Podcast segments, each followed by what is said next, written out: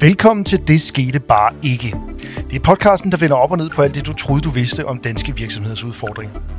Hver 14. dag præsenterer vi nye historier, der udfordrer det forventede, og det gør vi sammen med North, der er Danmarks første uvildige rådgivningshus inden for erhvervsforsikring, firmapension, financial procurement samt overvågning af realkreditlån. Mit navn er Mikkel Rosenvold, og i dag har jeg min gode makker Andreas Steno med til en makroøkonomisk status. Det er noget, vi har fået rigtig god respons på de gange, vi har lavet det.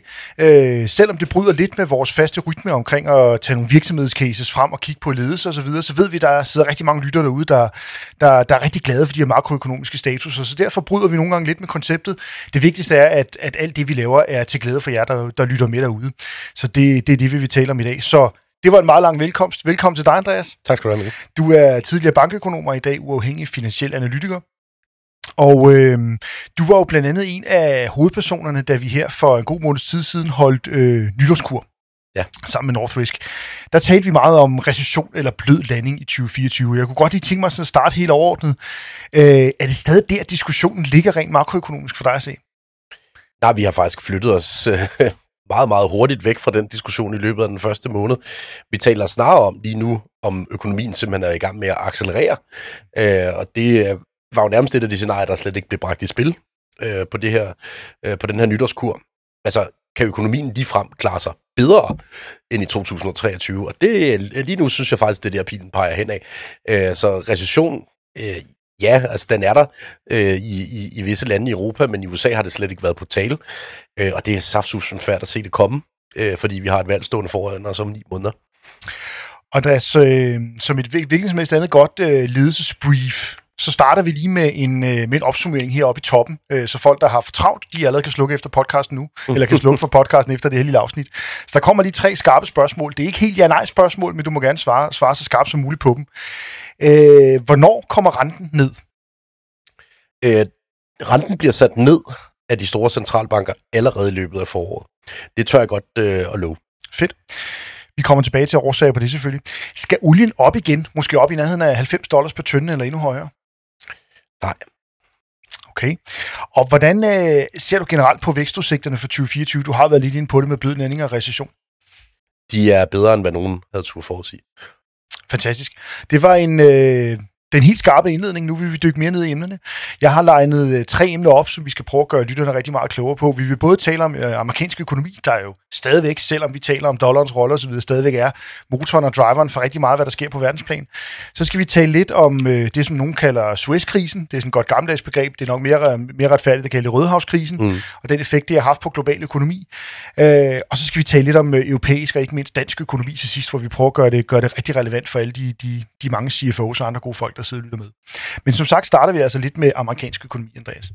Øh, jeg ved, du følger meget løbende med i forskellige nøgletal, så jeg kunne godt tænke mig at starte med at spørge, hvilke sådan, seneste nøgletal omkring økonomi, øh, omkring amerikansk økonomi, bider du mærke i lige nu? Jeg bider mærke i, at det amerikanske arbejdsmarked har det godt stadigvæk. Og det er jo hele den øh, diskussion, der har pågået i løbet af slutningen af sidste år, var vi ved at nå til det punkt, hvor det amerikanske arbejdsmarked faktisk kom i problemer. Øh, og det er stadigvæk svært at se dem. Øh, måned efter måned får vi ret solide jobtal fra den amerikanske økonomi.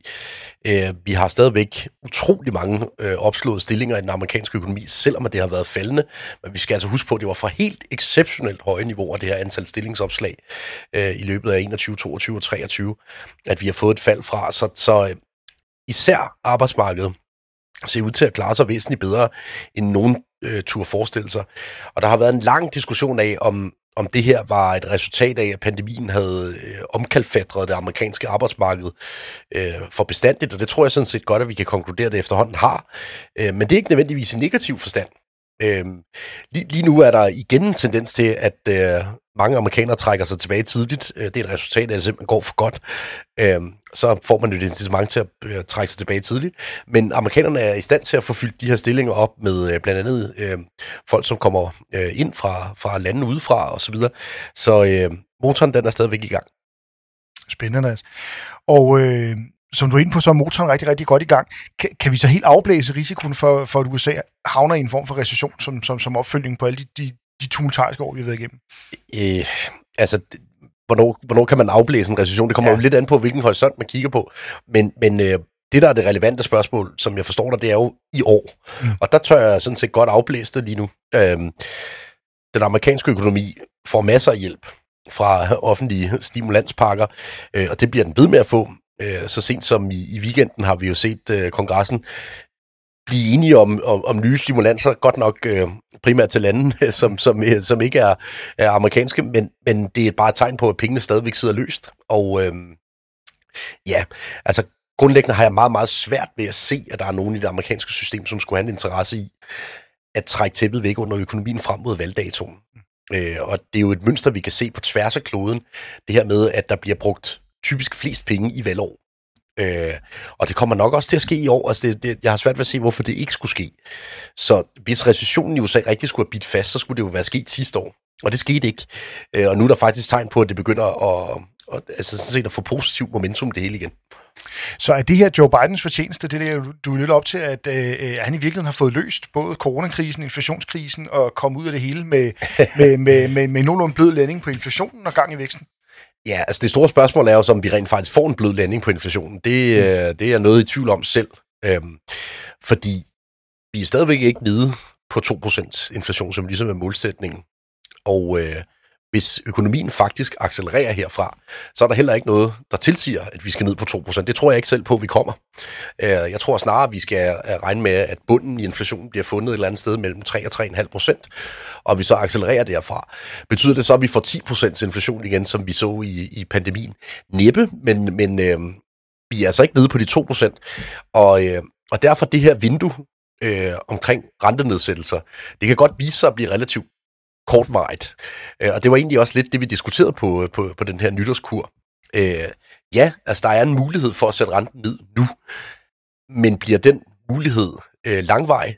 Næppe, fordi at økonomien faktisk som en konsekvens af, at vi allerede begyndt at tale om rentenedsættelser, som en konsekvens af, at der bliver pumpet offentlige penge ind i økonomien, begynder at accelerere igen, før at vi rigtig har fået sat renterne ned. Og så, øh, så lukker vinduet ganske enkelt for centralbanken igen. Jeg kan lige reklamere for, at man kan gå ind og høre vores, vores lydoptagelse netop fra den her lytterskår. Vi også besøge Michael Milhøj og Jens Jerning til, til mm. udsigterne for 2024. Øh, der er, det helt store spørgsmål, som, som, som vi også får rigtig, rigtig meget, det er, hvornår får vi det her rentekort? Du, du, du lovede allerede lidt her i løbet af foråret osv. Hvad, hvad, hvad, hvad er det for nogle effekter, du ser? Hvad er det? Vi kan måske også starte med, hvad forventer markederne? Jamen altså, markederne er jo, er jo øh, gået fra at, at tro på, at det allerede kunne ske i marts til det nok mere sandsynligt sker i maj. Altså den første rentenedsættelse fra den amerikanske centralbank. Øhm, og det realistiske scenarie er nok også maj.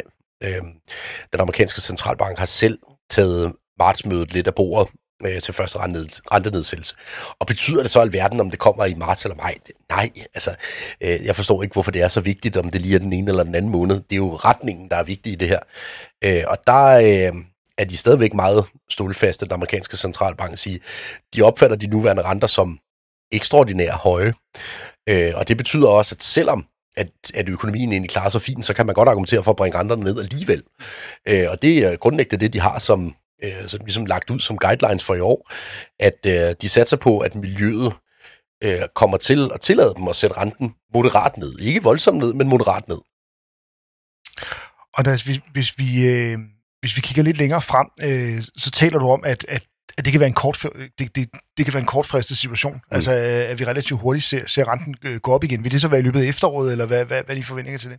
Nej, altså, øh, en centralbank arbejder ikke så kortsigtet. Så når de begynder at sætte renten stille og roligt ned i år, øh, så er det ikke fordi, de har en plan om at skulle vende på en tallerken øh, inden for en realistisk tidshorisont herfra.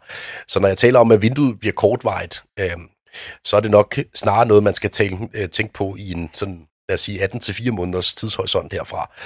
Øh, det tager tid at vende en supertanker som en centralbank, og øh, det er heller ikke nødvendigvis hensigtsmæssigt at vende sådan en supertanker hele tiden for at prøve at, at styre efter, og gå lidt ned og gå lidt op.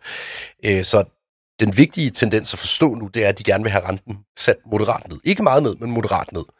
Øh, og hvad, hvad er det så for et renteniveau, vi kan regne med, at det kan komme ned i? Lad os sige, et slag på tasken et sted mellem 3 og 3,5 procent, sådan noget. Altså det er langt, langt, langt fra de niveauer, vi havde vendet os til, inden pandemien startede, øh, hvor vi jo sådan set lå på, på nulpunktet, mere eller mindre globalt. Så verden er formentlig forandret for bestandigt på grund af pandemien. Øh, arbejdsmarkedet har ændret sig. Øh, inflationen er kommet tilbage, og det betyder, at den nogle gange vil være meget synlig, andre gange vil være mindre synlig, men den vil hele tiden svinge som et pendul, hvor at før, der lignede en inflationskurve en patient, der var afgået ved døden, ja. og, det, og det gør den ikke mere, sådan en inflationskurve. Øh, og det er en væsentlig game changer for alt, hvad der foregår globalt. Øh, derfor kommer man også til, som virksomhedsejer eller som CFO, at skulle forholde sig til en inflation, der lige pludselig er høj og lige pludselig er lav. Øh, og det betyder bare, at, at altså en dynamisk tankekram omkring, hvordan man håndterer sin gæld, bliver meget mere væsentlig, end den gjorde mellem 2010 og 2020. Og det begynder lige pludselig også at blive et politisk spørgsmål igen. Vi har haft en hel generation af politikere, der står til det ikke kunne stave til inflation, der aldrig havde oplevet det. ja. øh, men nu begynder det faktisk at være et politisk emne igen. Vi så Joe Biden, som jo tilhører en, øh, i sandhed tilhører en generation, der har oplevet inflation før, må vi sige. Ja. Øh, pludselig går ud med videoer omkring shrinkflation og prøver at talesætte mange af de elementer. Så det begynder også at ramme den, den, den politiske arena så småt. Mm. Øh, altså, inden vi går over til at høre om, hvordan det her det, det påvirker europæisk økonomi, det kommer vi nemlig lidt tilbage til, så kunne jeg godt lige tænke mig at høre, du, du taler jo med mange amerikanske hedgefonds og, og, og banker osv. Hvor er deres øjne rettet hen lige nu? Hvad, hvad, hvad er de mest bekymrede for, hvis man skal vente negativt? at, altså, der, der er to meget, meget store temaer i øh, amerikansk økonomisk politik, som påvirker de her beslutningstagere inden for det finansielle marked. Øh, det ene er selvfølgelig, hvad sker der på den anden side af valget? Øh, jeg tror, de fleste er enige om, at, at det bliver svært for Joe Bidens administration at prøve at trække Øh, penge væk fra økonomien for seks måneder før en valgdato eller noget af den stil. Øh, det har man ganske enkelt ikke nogen historisk præcedens for at have det synspunkt. Øh, så det kommer næppe til at ske i år heller. Men det er meget sandsynligt, vil jeg sige, at uagtet om det er en ny præsident eller Joe Biden, der skal tage beslutningerne fra 1. januar 2025, så bliver man nødt til at kigge på, om, om stabiliteten og holdbarheden i de amerikanske finanser er i orden. Øhm, og der vil næsten uværligt øh, blive tro, altså, øh, trådt lidt på bremsen i, i økonomien, på grund af, at man ikke så langt øjet rækker kan blive ved med at, have så store statsunderskud, som de kører med nu. Øh, vi er, øh, uden at sammenligne situationen i øvrigt, øh, på vej mod semi-venezuelanske tilstanden i amerikansk statsøkonomi. Øh, og man kan ikke operere med øh, 7, 9, 10 procents øh, underskud af bruttonationalproduktet årligt, fordi det får simpelthen en indendato. Øh, så øh, situationen skal rettes op på et tidspunkt, det bliver den bare ikke i et valgår. Og Andreas, øh, et andet emne, som jeg også ved fylder meget øh, hos, hos, hos mange af de folk, du taler med, øh, og har gjort det hele året i år her 2024, det har altså været situationen nede i Rødehavet. Mm. Hvis vi lige skal opsummere kort, så udbrød der jo krig tilbage i oktober mellem Israel og, og Hamas, øh, og øh, et af de steder, hvor det ligesom spildte over, det var så til Rødehavet, hvor Houthi-bevægelsen nede i Yemen begyndte at skyde skibe ned. Mm. Øh, der har så også været fløjet en masse missiler rundt i luften mellem øh, Iran og USA, Iran, Pakistan og en hel masse. Og det er ikke, fordi vi skal ind i en større analyse af det, men, men øh, jeg ved, det er noget, der har fyldt meget. Hvordan har, har Rødehavskrisen, hvis vi skal kalde den det, påvirket øh, den internationale økonomi? Altså primært igennem fragtrater. Øh, fragtrater er ret væsentlige for, for prisfastsættelsen af mange fysiske produkter, øh, som lander på, på hylderne både i Europa og i USA. Og øh, fragtraterne er, er samlet set steget 250 procent eller sådan noget siden øh, det sene efterår 2023. Og, og øh, der er jo for nuværende overhovedet ikke noget lys for enden af tunnelen i den her situation i Rødhavet. Øh, du kan ikke finde en, øh, en leder fra et shippingselskab, som er villig til at sige, at begynder det at se lyse ud i forhold til at få sejlet nogle skibe igennem her. Øh, relativt kort tid inden, inden vi har sat os ind op til, øh, er der et øh, græsk skib, der er blevet ramt ned i området. Øh, angiveligt et græsk skib på vej til Iran i øvrigt, hvilket gør situationen en lille smule mere penibel. Øh, var iranerne lige klar over, at det var det, der skete. Øh, så det, det, det tyder jo på, at vi i hvert fald, øh, lad os sige, de næste par kvartaler i et eller andet omfang skal bokse med en situation, hvor at Suez-kanalen sådan set effektivt er lukket, øh, fordi at man ikke kan komme igennem øh, den her åbning øh, fra, fra Rødhavet ind i Suez-kanalen ned omkring Yemen og Djibouti. Og det, øh, det koster, og det koster rigtig mange penge, at den her situation den pågår. Og det falder så øh, lidt penibelt sammen med, at der har været lavt regnfald over omkring Panama-kanalen, som er den anden øh, væsentlige shipping-kanal på kloden, øh, hvor man også ser meget, meget lav aktivitet i forhold til, hvad man plejer. Så der er sådan set ikke rigtig noget øh, positivt at sige om den her shipping-situation. De store shipping-selskaber har så været ude og melde ud, at de ikke ser en super stærk efterspørgsel.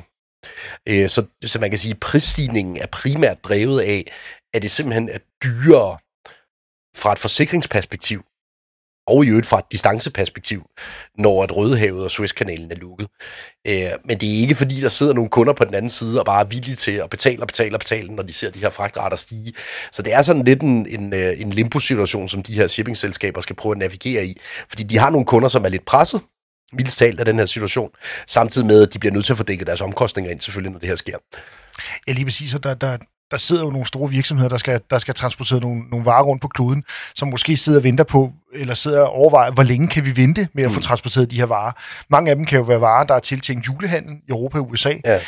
Øh, hvornår kan vi vente med at få dem sejlet til Europa og USA? Så der kan jo også opstå nogle flaskehalser senere på året, fordi det er klart, alt det, der ikke skal bruges lige her nu, altså for eksempel øh, øh, industriprodukter og øh, elementer til at producere andre varer, men altså færdige produkter, der først skal sælges om, om 8-9 måneder, kan man jo måske godt vente lidt med, men det skaber også bare nogle flaskehalse måske senere på året, når, når, der, når der eventuelt igen bliver åbnet. Ja. Så det, det, det, er en, det er en rigtig sparet situation, vi har set dernede. Vi har jo set, hvis vi bare lige bliver ved fragtraterne, lidt øh, øh aftagende stigninger eller stabilisering af fragtraterne her de sidste par uger ja. øh, øh, ind i februar. Er, er det så et tegn på, at det her er ved at finde sit niveau, eller, øh, eller hvordan ser du det? Ja, det, det er det først og fremmest. Altså, det, det er i hvert fald et tegn på, at nu kan kunderne ikke bide mere i sig. Men vi skal også have med, at øh, varefragt på verdenshavene er ekstremt sæsonbetinget. Øh, så du kan sådan set ikke finde en måned på året, hvor der bliver sejlet mindre end februar måned, øh, når man kigger ud over året. Øh, typisk vil man se en, en stærk øh, tiltagende aktivitet fra midten af slutningen af marts frem imod foråret, hvor man for alvor begynder at se det der ryg af varer, som skal øh, være klar på hylderne i, i, efteråret i, i Europa og USA. Så øh, hvis ikke vi har en, en, en form for løsning i sigte, når vi når ind i april, så tror jeg, at de her fragtarter begynder at stige igen. Fordi der kommer efterspørgselssiden også til at hjælpe med at presse dem op. Og lige nu skal vi øh, se situationen sådan, at det er udelukkende af udbudssiden, der presser priserne op, ikke efterspørgselssiden. Og hvad der altid er tæt forbundet med ballade i Mellemøsten, det er olieprisen, som jeg godt lige kunne tænke mig lige, lige, lige at knytte på kommentar til, fordi jeg ved også, der er mange virksomheder derude, der sidder og holder, holder meget tæt øje med det. Øh, vi, vi har jo i, igennem et år eller flere år i virkeligheden set sådan en form for stillingskrig mellem især Saudi-Arabien og USA, hvor Saudi-Arabien har forsøgt at beskære deres produktion. Øh, de har forsøgt at få nogle kollektive aftaler omkring det igennem det OPEC, hvilket det har knidet lidt med til tider. Og på den anden side, så har USA, og vel også Kina formentlig, hældt en masse olie fra deres strategiske lager ud mm. på markedet i, i forhold til at holde priserne nogenlunde i skak. Og, øh, øh, og, og status quo er jo, at, at, at, at tyndeprisen stadig er omkring 80 dollars. Øh, så, så, så, så kan man sige, at, at USA har vundet den her krig indtil videre, og hvad er udsigterne for dig at se? De har i hvert fald formået at holde krigen hen. Øh, Mohammed bin Salman øh, og, og de saudiarabiske øh, myndigheder, eller oliemyndigheder, har målrettet haft en strategi om at få presset prisen på olie op. Øh, jeg har også haft min, min øh, mistanke omkring, at, at det ligefrem handlede om personen Biden for dem også mm. i Saudi-Arabien, øh, at, at de vil egentlig synes, det er udmærket at kaste lidt grus i hans valgmaskineri ved at få bragt prisen op frem mod valgdatoen. Men vi skal også huske på, at der sidder jo også nogen i Saudi-Arabien og bløder økonomisk, øh, når de sætter produktionen ned for at prøve at presse prisen op. Altså de, lige nu får de ikke en højere pris per tynde, men de producerer væsentligt færre tønder. Ja. Øh, det er simpelthen bare et skidt regnestykke at blive ved med at holde live. Så begge parter bløder, Øh, og derfor er det her sådan en form for, øh, jeg tror på engelsk vil man kalde det game of chicken. Altså, hvem kan holde den her ud længst? Fordi det gør ondt på Biden, og det gør ondt på Mohammed bin Salman. Og der er ikke nogen af dem, der har blinket endnu. Øh, og, og jeg må sige, at jeg er faktisk overrasket over, hvor, hvor godt det lykkedes Saudi-Araberne at holde sammen på især araberne inden for OPEC, som stadigvæk øh, holder fast i at holde produktionen kunstigt lav. De har haft noget sværere med, øh, med at håndtere blandt andet Rusland, blandt andet et par af de afrikanske medlemsstater, øh, i forhold til at holde deres øh, olieproduktion nede. Men øh, araberne er altså meget stålfaste i det her stadigvæk. Øh, og man kan jo læse det her ind i den situation, der pågår i Rødehavet også. Øh, der er ikke...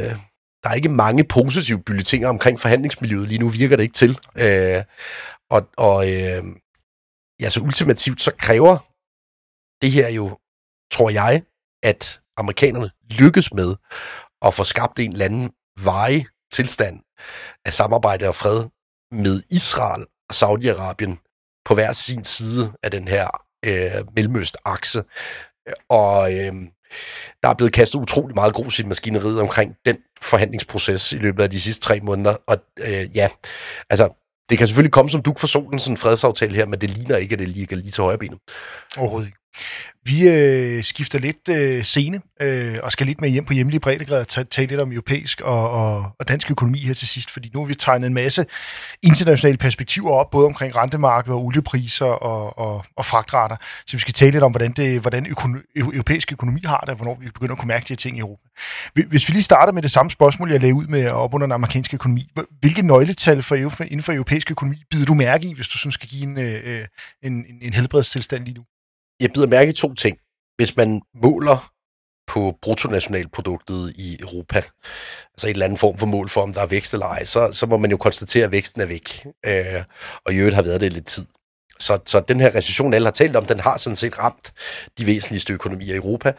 Men, men øh, på engelsk vil man kalde det en bread and butter recession, det der, det der pågår i øjeblikket. Det er ikke sådan rigtig alvorligt.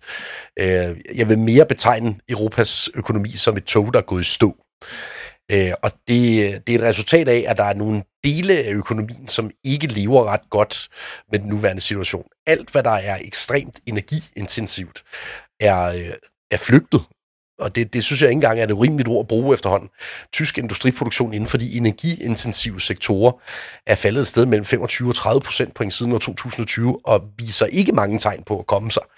Øhm, så hvor er de her 25-30 procents industriproduktion flyttet hen? Fordi det er jo ikke, fordi varerne ikke bliver forbrugt mere. Jamen, de ligger bare andre steder end i eurozonen. Øh, så, så det er sådan en eller anden form for øh, permanent tilstand af, af af tynd vækst eller ingen vækst, som Europa lige nu stiger ind, stiger ind i. Der er dog tidlige tegn på, at også Europa er ved at komme sig en lille smule.